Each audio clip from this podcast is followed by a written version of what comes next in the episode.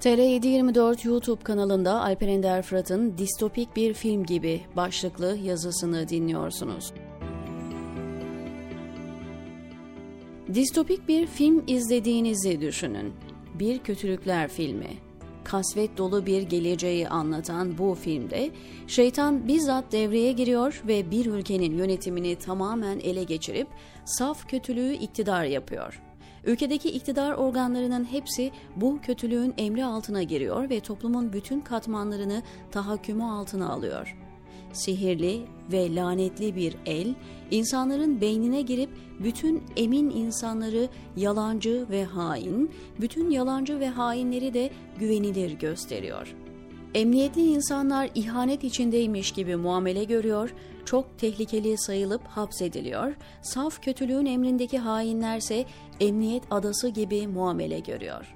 Memleket tam anlamıyla bu hainlerin kontrolüne girerken, deyim yerinde ise kuzular kurtların eline teslim ediliyor.'' Katillere, hırsızlara, tecavüzcülere, yetim malı soyguncularına kimse dokunamadığı gibi toplumun en itibarlı insanları olarak kabul ediliyor. Daha önce hapse atılmış katiller, sübyancılar kötülüğün iktidarında suçu yaymaları için tekrar toplumun içine salı veriliyor. Her kötülüğün ödüllendirildiğini düşünün.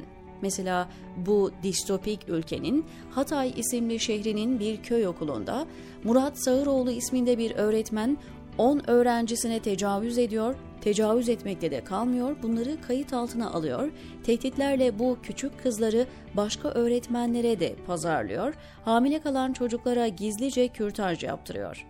Yani normal bir ülkede şerefsizliğin en dibi olarak kabul edilecek her şeyi yapıyor. Buna rağmen hiçbir şey olmamış gibi toplumun içine salı veriliyor. Üstelik bu aşağılık adam yalnız da değil. Kendisine pazarlanan sabilere sırtlan gibi çullanan Murat Sağıroğlu gibi başka şerefsizlerin de olduğunu ve bunların öğretmenlik yaptığını düşünebiliyor musunuz? Hani diyorsunuz bir filmde de olsa bu kadar aşağılık bir şey senaryoya yazılmaz. Filmde olsa bir insan bu kadar şerefsiz, bu kadar adi, bu kadar aşağılık hale gelmez. Hadi diyelim o adamlar bu kadar aşağılık ve şerefsiz. Ya bunu tahliye eden hakim ve savcılar nasıl bu kadar aşağılık hale gelebiliyor? Bu domuz sürüsünü tahliye eden hakimin kızı, yakını, çocuğu yok mu? Hani kontrolden çıkmış zombilerin istilası altında aklın ve izanın kaybolduğu gerçek dışı filmlerde bunlar olabilir. Ama bir korku filmi de olsa devletin bilinçli ve şuurlu olarak katilleri, cinsel saldırı yapanları, çocuk istismarcılarını, uyuşturucu baronlarını serbest bıraktığı bir senaryo yazılmaz. Kötülüğün devletleşmiş haline filmlerde bile olsa müsaade edilmez.